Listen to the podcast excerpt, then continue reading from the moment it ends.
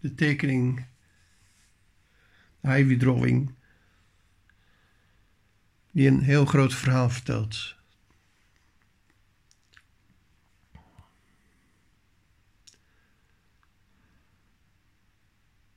Ik kwam erachter in 2003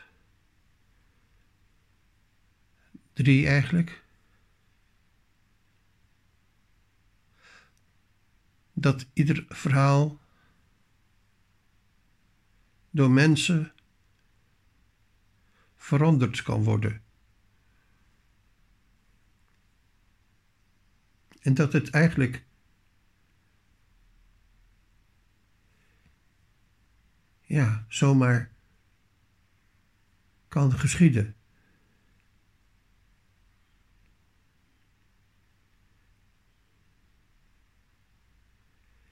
Ik was mijn in 2002, eind 2002 had ik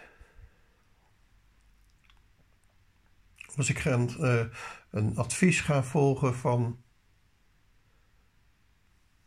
van mijn ex-schoonvader.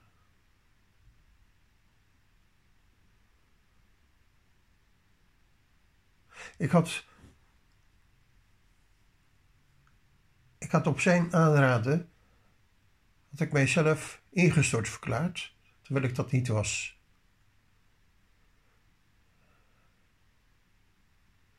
Ik had op zijn aanraden een ziektebeeld gaan spelen. Terwijl ik daar niet aan leed.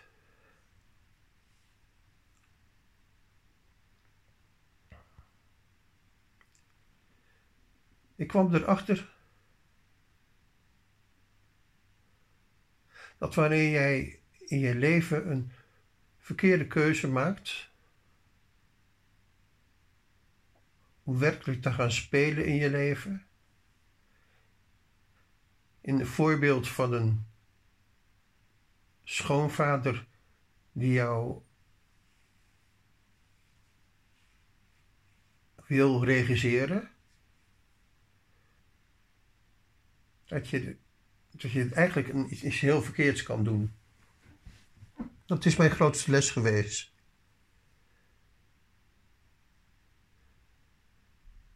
een man die vreselijk intelligent was, die uh, mij ging adviseren en mij ging regisseren. Hij zou mij regisseren, helemaal, van het begin tot het eind. En het eindresultaat zou zijn dat ik kon doen wat ik het liefste wilde. En dat was gewoon kunstenaar zijn en maken wat ik kan maken. En dat doen wat ik het liefste doe. En waarom, waarom ik dan toch ben afgehaakt? Met vele gevolgen van dien.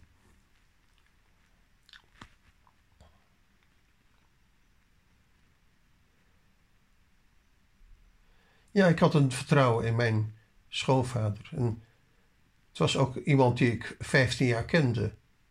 En 15 jaar lang een groot vertrouwen voor mij was geweest. En dat was wederzijds. Maar tijdens de regie die hij over mij voerde, om precies te doen wat hij van mij uh, verlangde, uh, kwam ik in een zeer moeilijke situatie terecht. Dat uiteindelijk uh, ertoe heeft geleid dat de hele familie zich tegen mij had gekeerd.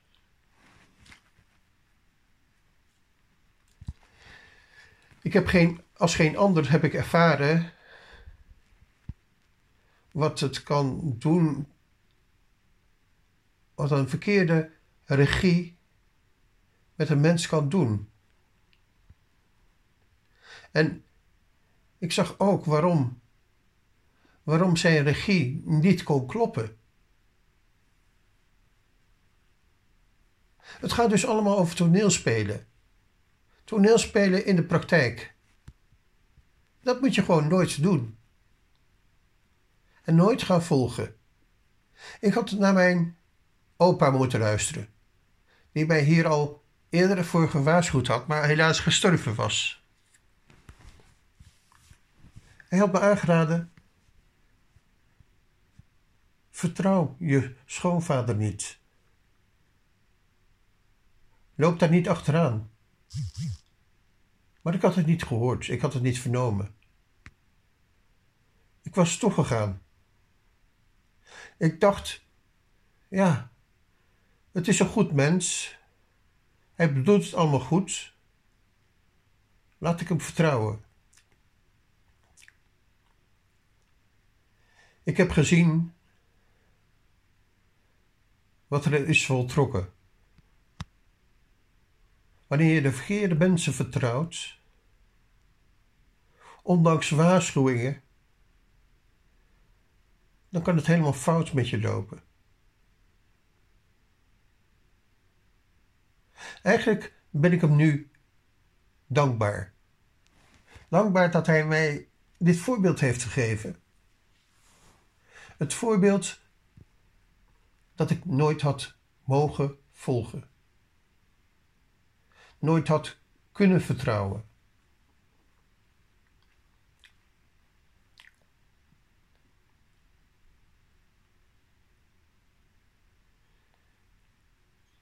Om, om in te gaan op details is misschien wel zinloos. Ik kan het het beste bij mezelf houden. De weg die ik zelf ben gegaan. En die ik tegenkwam. Want de weg die iemand boven mij met mij heeft gehad, die was er ook. Iemand die boven mijn schoonvader stond en boven alles en iedereen. Daar ben ik naar gaan luisteren, naar die man. Die man die, die boven het leven staat. Anders was ik nooit bij hem gekomen. Het is zo'n wonderlijke weg geweest. Om te beginnen kan ik je vertellen ik ben de verkeerde regie gaan volgen. De verkeerde regiecursus heb ik gedaan. En dat heeft mij ja, tot, het, tot een verkeerde uitkomst gebracht. Die heel veel consequenties kon hebben. Eigenlijk kan ik hier spreken van een misbruik van mijn vertrouwen. Maar ook, ja, ik moest verder. Ik kon niet. Ik kon niet niets doen. Ik moest dingen doen die ik heb gedaan. Ik moest contacten zoeken om erachter te komen En heb toen ja, een, een, een wond blootgelegd. En dat was het meest verschrikkelijke wat ik uh, hun ook weer, weer aan kon doen.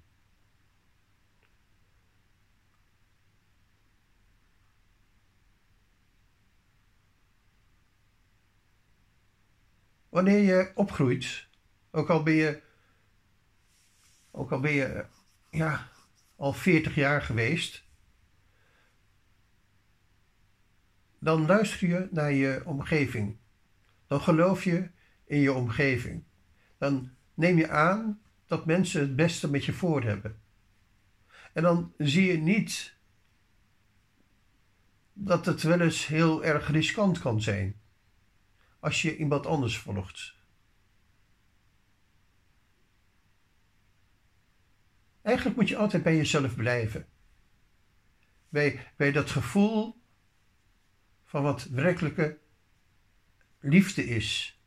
En dat in jou kan wonen. En ook boven jou kan staan.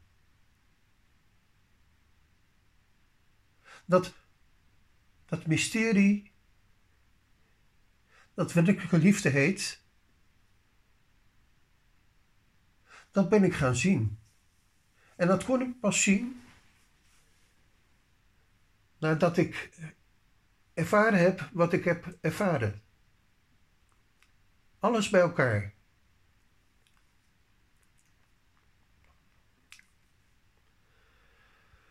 Nu om het kort samen te vatten, zonder te veel op details in te gaan.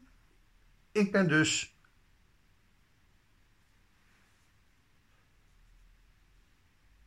gaan zien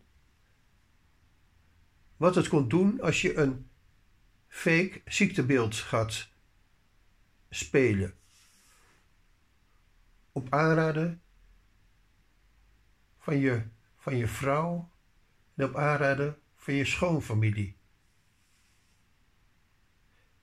Schoonfamilie die eigenlijk als voornaamste reden had aangevoerd het geld.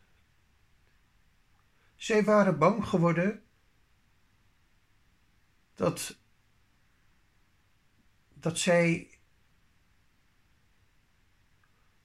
op zouden draaien voor, voor de borg die ik niet langer kon betalen. Dat was eigenlijk het hoofdpunt. Het hoofdpunt van uh, waar het allemaal mis is gegaan. De angst om geen geld meer te hebben. En vanuit die angst werd mij raad gegeven van wat ik moest doen. En omdat ik blijkbaar niet meer helder kon denken, ik werkte in die tijd keihard.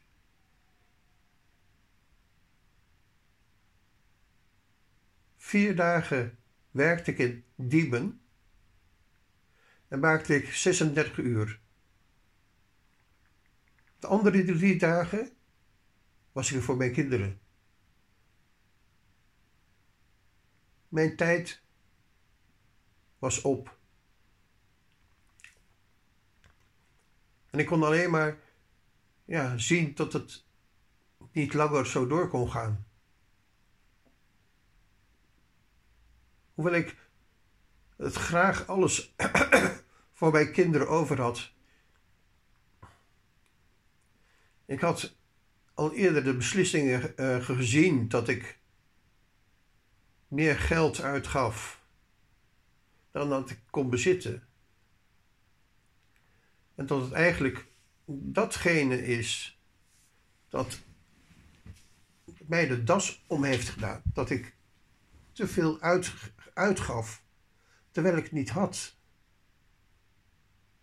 En dat ik te weinig vertrouwen had in mijn eigen doen en laten. Want uiteindelijk bleek die angst voor mijn schoonfamilie totaal ongerecht te zijn. Ik kreeg uiteindelijk een baan aangeboden. En men wilde mij graag hebben.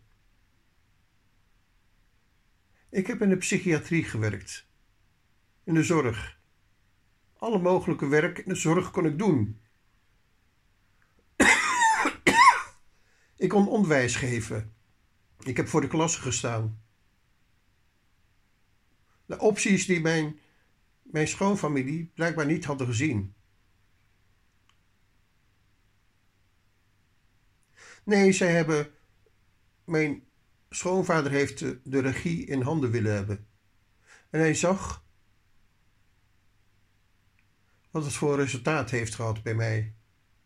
Dat ik niet met hem mee kon gaan. Dat ik afgehaakt ben. En dat ik daarbij ook heel duidelijk de signalen heb verspreid die ik tegen ben gekomen. De verhalen van mijn beste vriend, die op dat moment in Leeuwarden woonde en, en die eigenlijk ja, in een situatie was beland dat hij onterecht door eigen leerlingen werd beschuldigd van seksuele intimiteit. Hij was te handtastelijk geweest. En dat was de druppel geweest. En leerlingen hebben hem toen aangeklaagd. Hij had de grenzen van zijn eigen leerlingen niet doorgehad. En dat was een school, een huishoudschool in Drachten. En daarvan ervaarde hij het, ervoer hij het, dat je ook niet uh, je leerlingen kunt vertrouwen wanneer je, wanneer je in een bepaalde molen terechtkomt, waarop mensen jou kunnen veroordelen en kunnen maken tot het zwarte schaap dat veroordeeld wordt.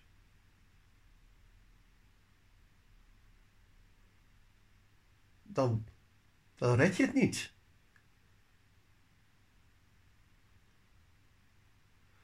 Als andere mensen jou tot een zwart schaap gaan maken, dan is daar, zit daar een hele sterke kracht in. De zondebok. Ja, dat, de betekenis van de zondebok heb ik toen opgezocht. Dat is het visualiseren van, van alle dingen die je verkeerd hebt gedaan. Neem daar een bok voor. Stop al die, uh, uh, visualiseer al die zonden, al die foute dingen die je hebt gedaan op zo'n zo'n beest. En dan geeft dat eh, beest een enorme trap voor zijn achterste dat hij de woestijn in vlucht. En nooit meer terugkomt. Weg zijn al je zonden. Ja, dit is een heel merkwaardig verhaal, eh, een voorbeeld uit de geschiedenis. Waar mensen ook werkelijk in zijn gaan geloven. Toen ik dit principe aan de lijve ging ondervinden, dat het eigenlijk mijzelf kon betreffen en ook mijn beste vriend in Leeuwarden kon betreffen, die leraar handvaardigheid was, tekenen handvaardigheid, dat gaf hij in Drachten, zag ik als eerste het voorbeeld dat een verkeerde ja, diagnose van juist zelfs je eigen leerlingen ertoe kan leiden dat je, dat je leven eindigt. Hij is gestorven aan de kanker. Ik heb hem overal opgezocht, in Amsterdam, in, in vele plaatsen. Het was mijn beste vriend, Wim. En tegelijkertijd liep zijn verhaal parallel met een oud verhaal wat ik ging bestuderen voor mijn schoonvader. En die hij mij juist als voorbeeld had willen geven.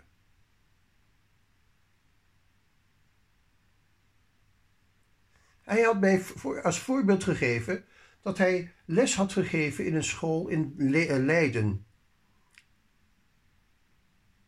En in Leiden vond hij het helemaal niet meer leuk. En uh, waren de kinderen tegen hem geworden. En werd, was hij veroordeeld, werd hij helemaal gek. Vond hij helemaal niks meer, dat, uh, dat hele lesgeven. En toen, toen heeft hij zich overspannen laten verklaren. Maar hij had er niet bij verteld wat er nog meer was gebeurd. Hij had iets achterwege gehouden. En dat, juist dat kleine dingetje wat hij achterwege hield, dat is Snicky. Maar het verklaart wel helemaal waar het verschil tussen mijn mijn vriend, mijn beste vriend en die schoonvader.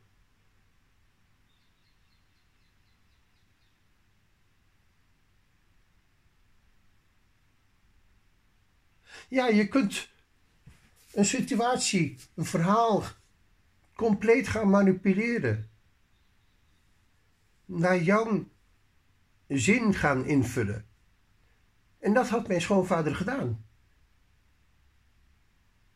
Die had namelijk niet verteld dat op dat moment dat hij overspannen raakte en hij zich inderdaad aangemeld had bij, bij dokters uh, en doktoren, dat hij inderdaad ook ziek was. Hij was inderdaad schizofreen, een gespleten persoonlijkheid. Maar de oorzaak daarvan, dat wist ik toevallig ook. En dat wilde ik gaan uitzoeken. Hoe is dat eigenlijk verder gegaan? En dat hadden we natuurlijk nooit mogen doen. Maar ik wilde het weten. Ik wilde weten. Ik wilde weten wie. Wie, wie kon mij daaraan helpen? Wie kon mij vertellen wat er aan de hand was geweest? En daarvoor moest ik eigenlijk iemand op gaan zoeken die ik zelf nooit persoonlijk had kunnen leren kennen, omdat mij altijd werd afgeraden. Het was een toneelspeler, een poppenspeler. En zelfs een poppenspeler die op dit moment nog een van de beroemdste van heel Nederland is.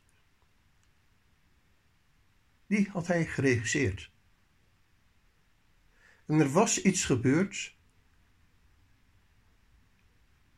dat naar hem toe verwees.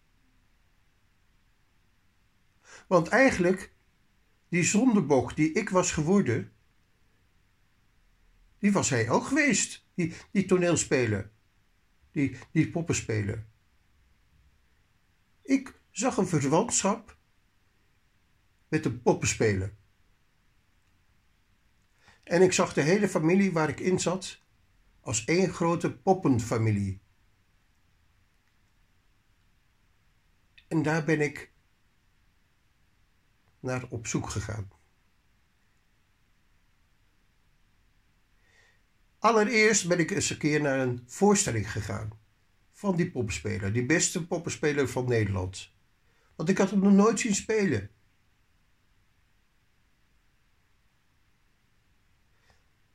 Ik ben toen in Delft naar het theater gegaan.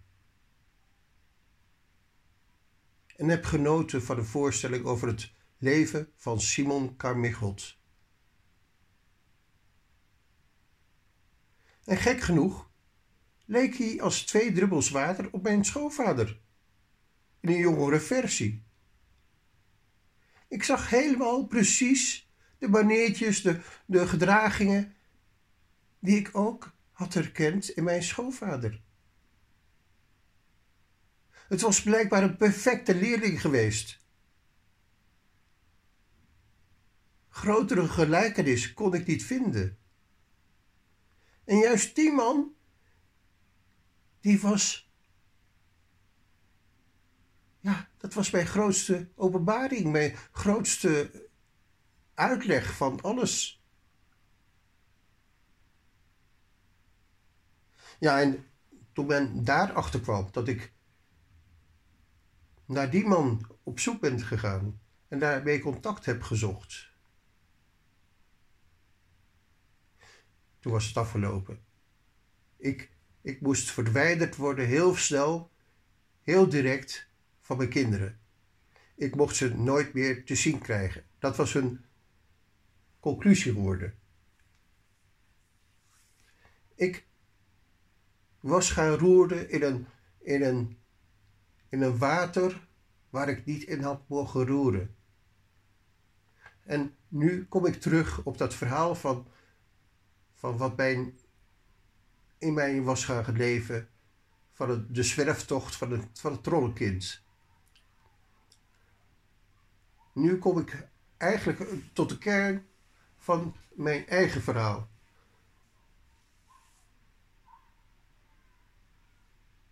Ik, ik was gaan roeren in een, in een mesthoop. En het was vreselijk gaan stinken.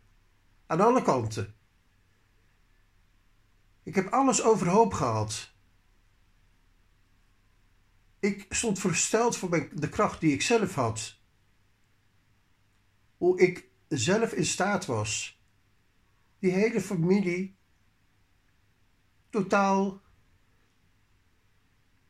knock-out te slaan. En dat werd mij natuurlijk niet in dank afgenomen. Maar ik moest. Ik, er was iets in mijn hart dat de waarheid wilde weten. Wat was die werkelijke liefde? Die werkelijke liefde zat niet in mijn ex-vrouw. Die was eigenlijk onder invloed van haar vader. En hield stevig vast aan haar vader, die zij als het enige lichtpunt nog had willen zien.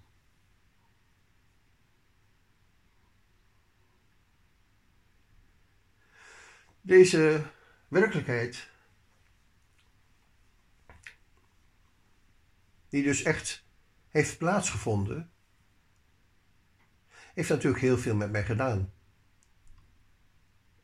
Ik ben een hard project gaan beginnen in 2003. Dat was mijn eerste stap. Een hartekrant en een hartenproject. Kijken naar je eigen hart en op zoek gaan naar je eigen verlangens. Weggaan van hetgene wat, wat, wat jou eigenlijk als een strop om je keel hangt. Als, als, jou als zondebok heeft gemaakt. Daarvan weglopen, omdat je daar niet mee kan leven. Je kunt geen, geen, geen zondebok zijn die uh, doelloos in de woestijn rond, ronddaast. Dus ik wilde gewoon geen kameelhond zijn. Ja, daar komt het eigenlijk op neer. Ik, ik kon die positie van kameelhond, die alle last en alle zonde moest dragen, kon ik niet langer zijn. Want hij had ook niet gelijk. Net zo min als de denominaties die ik in mijn, op, die mij op een gegeven moment geopenbaard werd. Al die kerken die eigenlijk iets pretendeerden wat helemaal niet klopte. En dat is een hele grote beweging over de hele, hele, hele aarde geweest.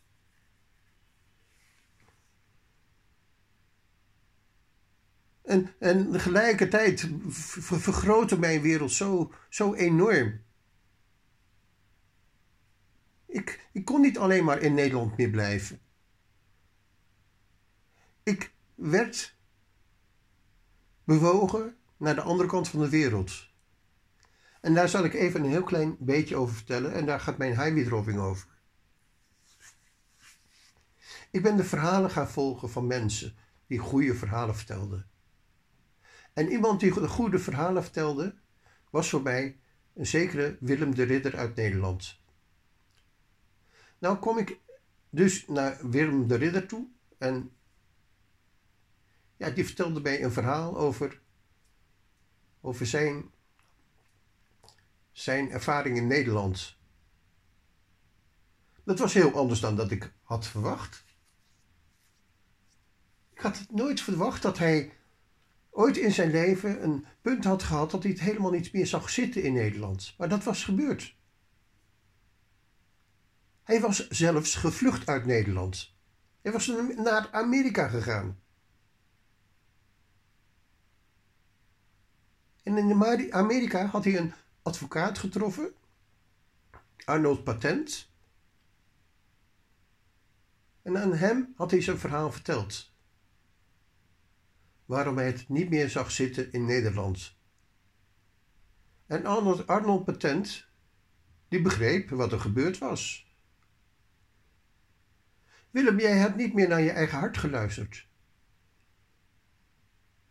Nee, dat, dat, dat, dat, dat kon je ook niet meer volgen, omdat het je allemaal verkeerd was voorgedaan. Je hebt meegedaan aan een fout toneelspelletje van leraren die jou allemaal hebben geleerd om dit te doen of dat te doen, om dat te doen. Maar ze zijn één heel belangrijk ding vergeten. En dat is te luisteren naar je eigen hart. Je moet luisteren naar je eigen hart. En als je nou een groep formeert en je spreekt allemaal af dat je dat doet, dat je gaat handelen vanuit je eigen hart.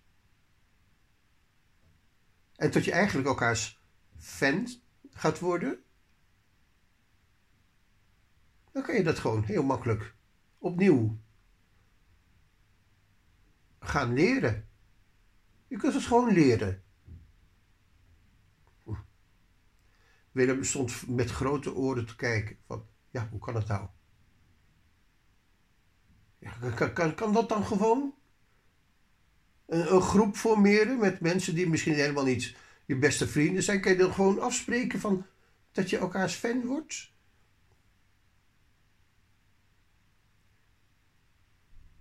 In ieder geval, Arnold Patent had grote indruk gemaakt. De advocaat Arnold Patent heeft ervoor gezorgd dat, dat Willem de Ridder weer naar hem terugging. En dat, ja, dat verhaal dat kende ik helemaal niet. Dat heb ik letterlijk van Willem gehoord. En hij heeft zich toen teruggetrokken op een eiland, Ameland.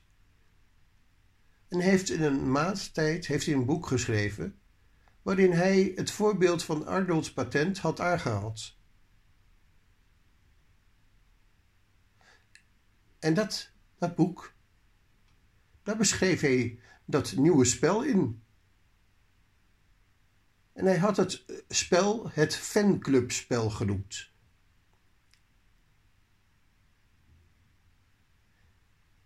En ik kwam daar toen bij Willem in Bussum. En wij zaten zo te praten. Ik had uh, trouwens uh, mijn eigen krant aan hem willen geven. Ook een, een schilderij die, ik had gemaakt van een, van een ridder. Hij heette Willem de Ridder. Dus ik, ik had toevallig nog een schilderij van een ridder. Een man die zich helemaal ja, verhuld had in een harnas. eigenlijk was het een, naar aanleiding van een print van mijn, van mijn schoonvader. Die had ooit zich willen verplaatsen in een. Ja, die had, die had zich ook willen verplaatsen in een harnas. Hij was helemaal gek van militairen. zijn grootste hobby was het beschilderen van tinnen soldaatjes. En ja, een soort untouchable man willen zijn, zeg maar. Die overal toe opgewassen is. Die alles aan kan. Maar het feit was natuurlijk heel anders geweest, want toen, toen mijn schoonvader. Ja, daar ben ik dan later pas achter gekomen. Toen, toen mijn schoonvader uh, in Leiden uh, zijn baan moest opgeven. Toen is iets gebleken waar eigenlijk uh, die, die eerste bekende leerling had geopenbaard.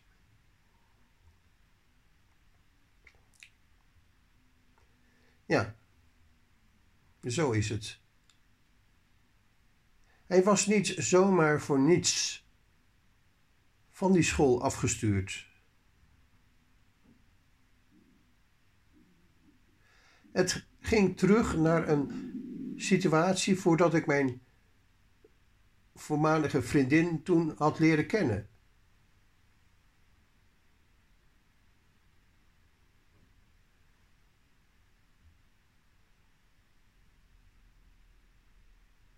Er had zich een situatie voorgedaan dat, dat hij leraar was, leraar Nederlands was in Leiden. En dat hij ook toneelspeel, uh, toneelstukken regisseerde, inleidde. Ik kan me herinneren dat hij de Bedelaarsopera heeft uh, willen doen. Een heel groot, uh, massaal project. En nog meer, de, meerdere dingen. Hij had daar hoge ogen mee gegooid. Bij veel mensen in Leiden. En hij had gemerkt dat zijn grote passie daar ook werkelijk lag. En hij had gezien dat de positie van een regisseur zijn ook vele voordelen had om mensen te manipuleren. En zonder dat hij daar erg in heeft gehad,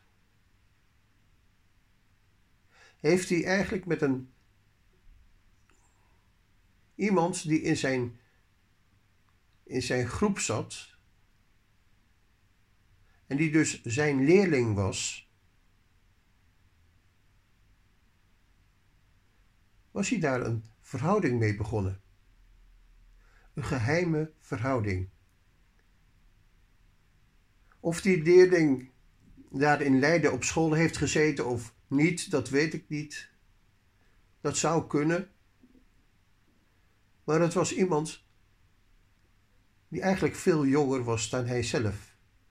En hij was getrouwd, had twee kinderen. En hij had dus een buitenechtelijke relatie.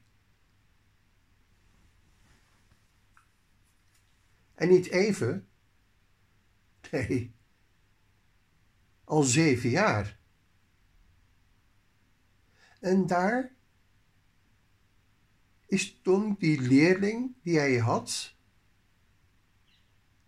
heel toevallig achtergekomen.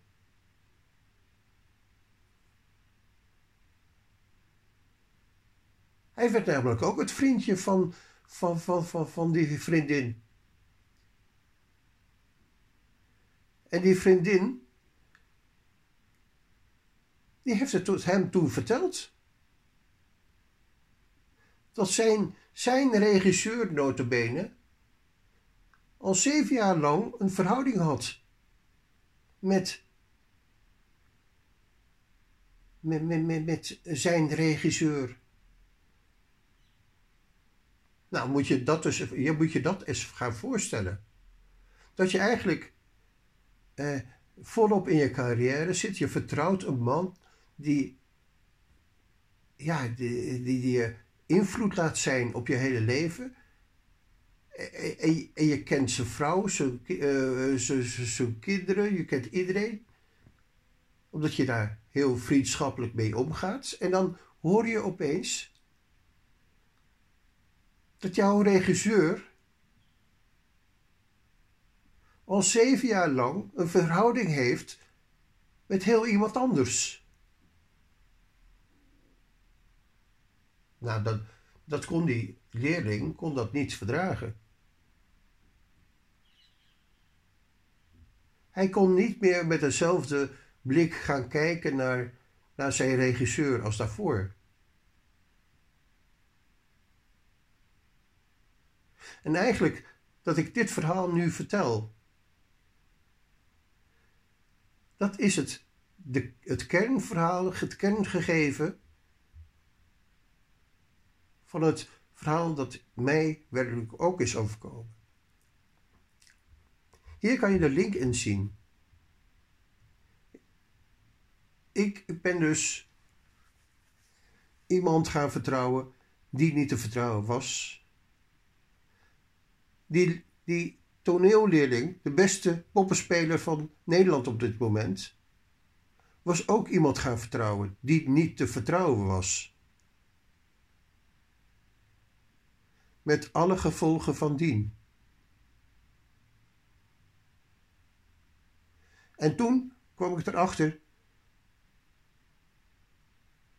wat er werkelijk was gebeurd.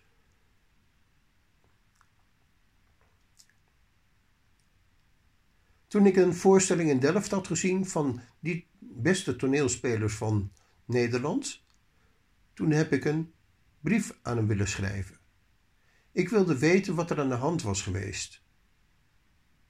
Ik wilde weten wat er gebeurd was. En het leven ging door en ik werd hoe langer hoe meer het zwarte schaap van, voor, voor mijn eigen kinderen. En ik kan me nog goed herinneren dat ik in 2003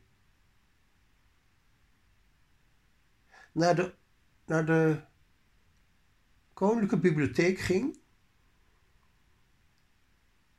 om de geboortedag van mijn, van mijn dochter na te gaan kijken. Want dat had ik ooit gedaan met mijn, met mijn zoon, Nando. En nou kon ik, wilde ik dat ook doen met Babette. En toen is er iets wonderlijks gebeurd. Ik heb gewoon gekeken in oude kranten wat er op haar ja, geboortedag allemaal had plaatsgevonden. Ik had alles bij elkaar gezocht, alle kranten, en die was ik gaan printen. En ik had een leuke collectie gemaakt. En ik was het zo uh, ja, aan het bekijken en. En dan, dan opeens schrok ik. Wat was er namelijk aan de hand? Ik had een artikel uitgeknipt. En, en daarnaast stond een artikel van niemand meer of minder dan die leerling van mijn schoonvader. Dat was toch wel heel erg toevallig. En ja, dat, dat, dat vond ik zo, zo gek dat ik ongemerkt een, een stuk had uitgeknipt. Met daarop ook een uh, artikel van, van de man die, die eigenlijk ja, een groot schandaal openbaar had gemaakt. Ja, ik, ik, dat is dus het eerste grote teken wat ik kreeg van bovenaf. Helemaal, ja, vanuit het niks had ik een artikel uitge, uitgeknipt. Op de, op de dag van de geboorte van mijn dochter. En dat artikel dat, dat had gecorrespondeerd met met een stuk dat ik ongemerkt had, had, had uh, bewaard van, van die bekende toneelspeler in Nederland. Die bekende poppenspeler.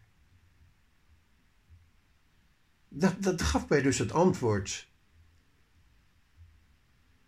Dat gaf mij een teken van, ja, Hans, zie wat er is gebeurd. Kijk wat, waar je op uit bent gekomen. Er is iets met jou gebeurd waar ik een bedoeling mee heb.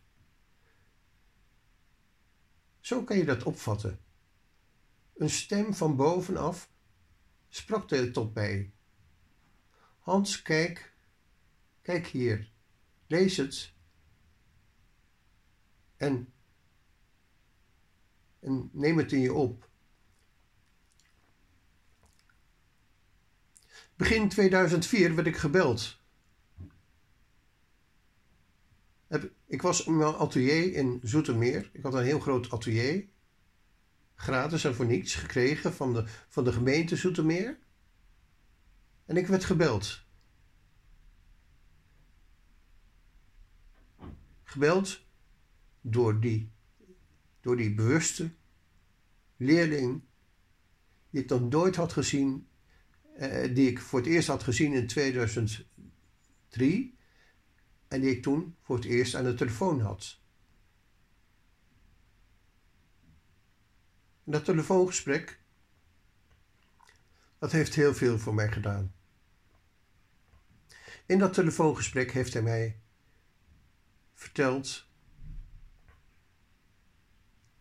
wat er gebeurd was.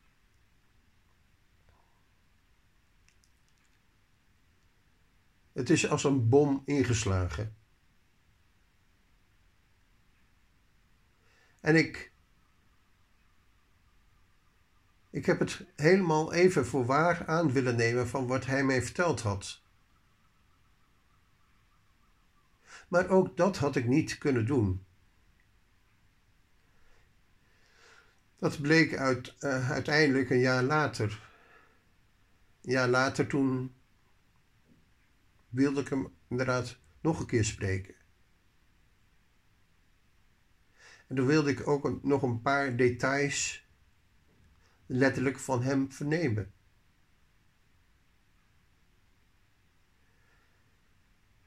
Ik, ik, ik zag. Ik zag eigenlijk dat. Dat de leerling eigenlijk echt een leerling was geweest. Zoals je nergens beter een gelijkenis kan vinden als bij de barmhartige Samaritaan. Ken je dat verhaal van de barmhartige eh, Samaritaan? Je ziet dat, dat iemand een, uh, ja, uh, een heel erg ongeluk heeft gehad. En er loopt een, loopt een uh, hoge priester voorbij. En die ziet dat. En die weet natuurlijk alles wat er in de Bijbel staat. Die weet het allemaal als geen ander. Hij is de hoofd van de denominatie van kerken, zeg maar. hij is de paus misschien wel. En wat hij doet, is met een grote boog, omheen lopen. En niet doen ja, wat hij eigenlijk moet doen. Even later komt er dan zijn leerling. Dus in dit geval de leerling van mijn schoonvader komt voorbij. Die ziet mijn mij daar liggen, gewond en wel. Hij negeert mij niet. Nee, hij vertelt mij het verhaal, maar niet helemaal precies. Hij gaat er ook nog een klein beetje bij fantaseren.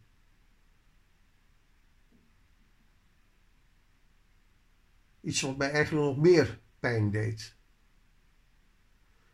Ja, als ik mij dan verplaats in dat slachtoffer, dan is het toch niet helemaal hetzelfde verhaal, maar dan is het, ja, toch, gaat het over mijn vertrouwen in mijzelf en in God. Ik kon eigenlijk alleen maar God vertrouwen. De God die in mij ook kan zitten. En dat, dat is het meest belangrijke wat ik eruit licht. Want wie is die God die in mij zit? Wie is die werkelijke liefde die in mij kan wonen?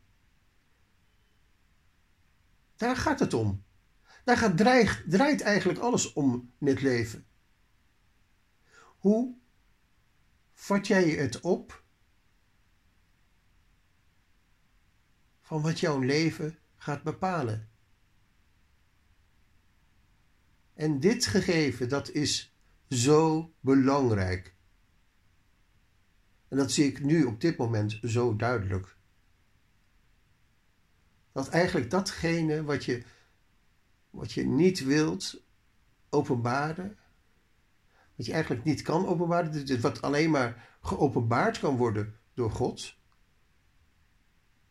iets wat boven je staat, iets dat mij dat ik tegenkwam in de Koninklijke Bibliotheek van, van, van Den Haag, notabene. Het artikel wat ik ongemerkt had uitge, uitgeknipt. Het, de, eh, eh, de tekst van de leerling. Die gaf een connectie. Die gaf een connectie met mijn eigen kind, notabene. Kon ik een beter teken ontvangen als dat? Nee. En ik moest eigenlijk mijn oordeel voor, over andere mensen moest ik los gaan laten. Niet meer in andere mensen gaan vertrouwen. In mijn eigen hart. Daar had ik mee te maken. Mijn verhaal. Wat, wat heeft diegene die tot mij spreekt te doen met mijn eigen hart? Want daar is de kern van alles.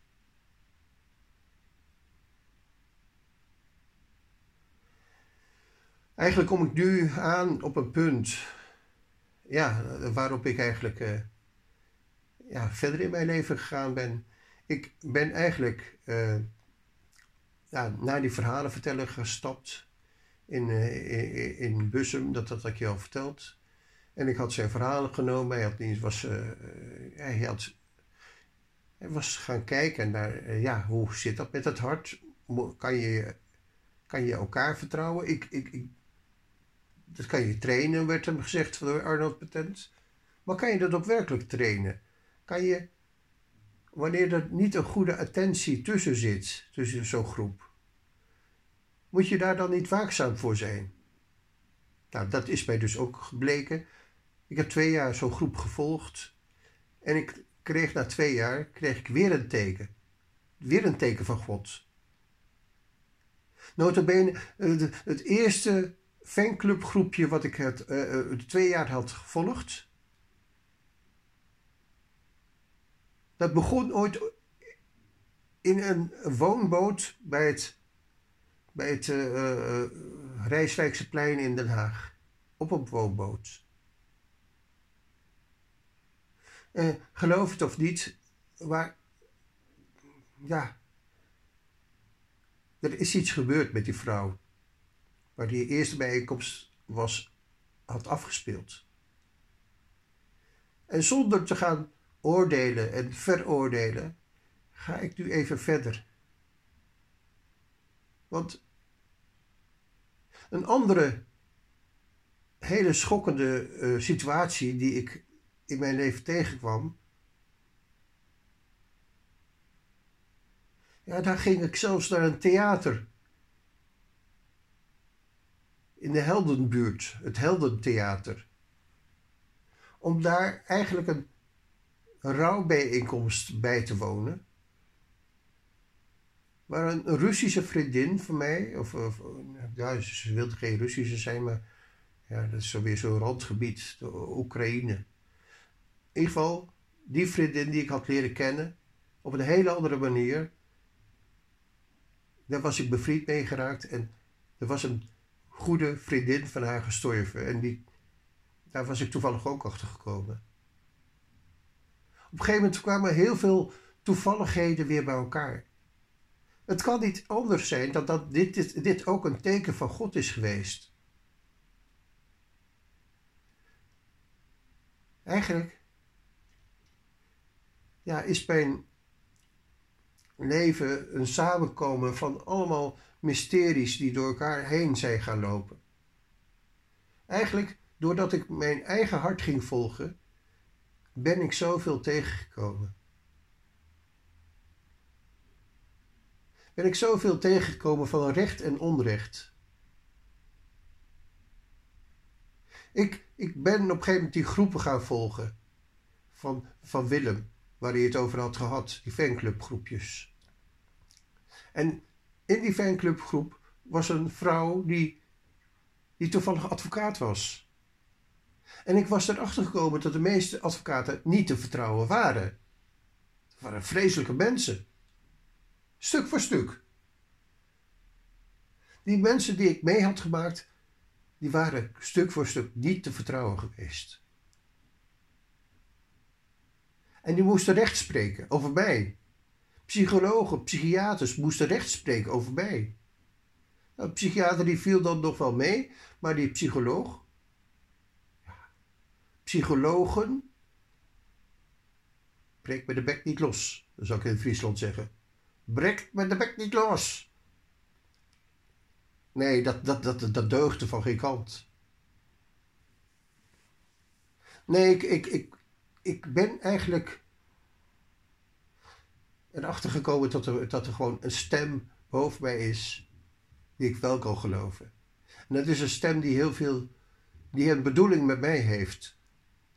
Die een bedoeling met mijn hart heeft. En dat, dat is de, de stem van werkelijke liefde, die ik wil volgen.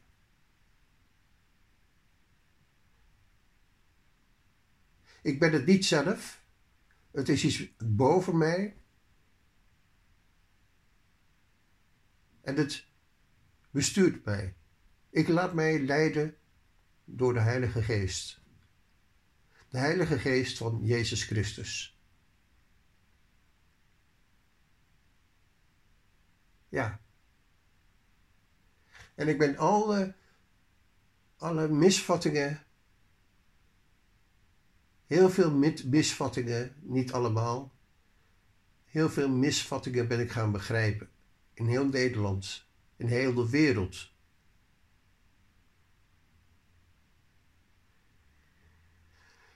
Ja, en nou ben ik moe van het vertellen. Maar eigenlijk vertel ik je hiermee een belangrijk onderdeel van mijn leven. En het rest vertelt eigenlijk die highway drawing die ik gemaakt heb. Want die vertelt in het kort even het mysterie, hoe ik eigenlijk bij het mysterie van het menselijk leven ben gekomen. Die vertelt mij in het kort gezegd dat ik eigenlijk toen ik het boek van Spiegologie van Willem de Ridder ging, eh, ging kopen en daar het voorwoord in zag, uh, tot mijn grote verrassing ook een advocaat tegenkwam. En die advocaat, daar heb ik contact mee willen zoeken. En daar heb ik heel veel contact mee gekregen. En hoeveel toevalligheden er verder nog in mijn leven zijn, hebben afgespeeld, dat, dat kan ik niet vertellen. Maar in ieder geval wel dat ik uh, door die naam van die advocaat die het voorwoord geschreven had in het boek Spiegologie van Willem de Ridder, dat het de naam Samuels was. En die naam Samuels is de hoofd, het, het hoofdwoord wat, wat op mijn Highway staat. En ik kwam erachter dat Samuels. Samuel is een naam met een betekenis. En dat is dus ook de zoon van een zekere Hanna. Nou, en dan heb je twee namen. Die dus in een later stadium in mijn leven zijn gekomen. En daar gaat die highway over. Hoe kom ik vanuit, ja, van, van, vanuit, vanuit een verhalenverteller uit op, op een naam van Hanna? Hanna, de vrouw die geen kinderen kon krijgen. Hoe kom ik uit? Dat ik uiteindelijk een betaalde baan krijg aangeboden. Maar tegelijkertijd ook weer op, op dan non-actief kan worden gezet. Kreeg ik niet heel duidelijk te, te horen, te vernemen. Dat het principe van de zondebok, het principe van het zwarte schaap maken. Toevallig was het ook nog een serie voor de televisie, het, uh, de, de, de, schaap met vijf poten of geloof zoiets. Ja, ik weet het niet meer. Maar eigenlijk, als je elkaar niet meer vertrouwen kan, als je hem niet meer vertrouwen kan, wil ik ervan maken. Want je moet hem in je hart uitsluiten, uh, uh, insluiten. Want hij staat werkelijke liefde voor. Maar dat zul je niet in die, in die koude, kille kerken te horen krijgen. Ja, misschien wel. Maar daar heb je die afstand. Die grote afstand, die holle ruimtes waar je eigenlijk, ja, zo, die eigenlijk zo onpersoonlijk zijn als het twee eh, koude, kille banken met oorverdovend orgelgeluid. Dat kan niet die verbinding geven, want die zijn door mensen gemaakt. En dan als je dat allemaal van je afgooit, dan kom je bij de kerk, bij de kern. En dan kom je eigenlijk ook bij de kern van het woord kerk. Dan ga je doorkrijgen waarom dat kerkgebouw niks voorstelt. Niets hoeft te betekenen. Dat het eigenlijk allemaal uiterlijke schijn is van mensen. Dat het eigenlijk zelfs veroordeeld wordt in de Bijbel. En dan komen ze bij elkaar in een ruimte die eigenlijk de verdoemenis zelf is. Ja, dat, dat is toch belachelijk? Het gaat om jouw hart en het plan wat, wat, wat iemand die boven jou staat met jou heeft. Daar moet je naar luisteren. Goed. Ik ben veel te lang aan het praten. Dit is een inleiding voor, voor eigenlijk het verhaal wat ik wilde vertellen als, als bijsluiting van, ja, van mijn verhaal in de, bij de highway drawing. Maar als je dit werkelijk hebt gevolgd, van het begin tot het eind, kan je, kan je misschien iets beter iets begrijpen. Dan, dan, dan zie je misschien nu de brug die ik heb uh, genomen van de hoogst intelligente mens, uh, die highway en, en de nieuwe highway Eigenlijk twee recente tekeningen die ik gemaakt heb die heel veel uitleg geven over, over mijn leven, over mijn missie, over mijn liefde. Ja, dat het uiteindelijk uitkomt in de Filipijnen bij een vrouw die ik op dit moment wil bereiken. Waar ik heel graag naartoe wil.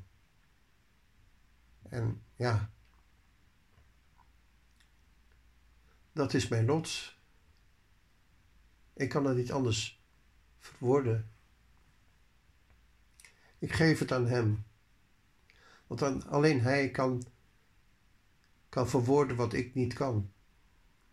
Ik kan dat niet. Amen.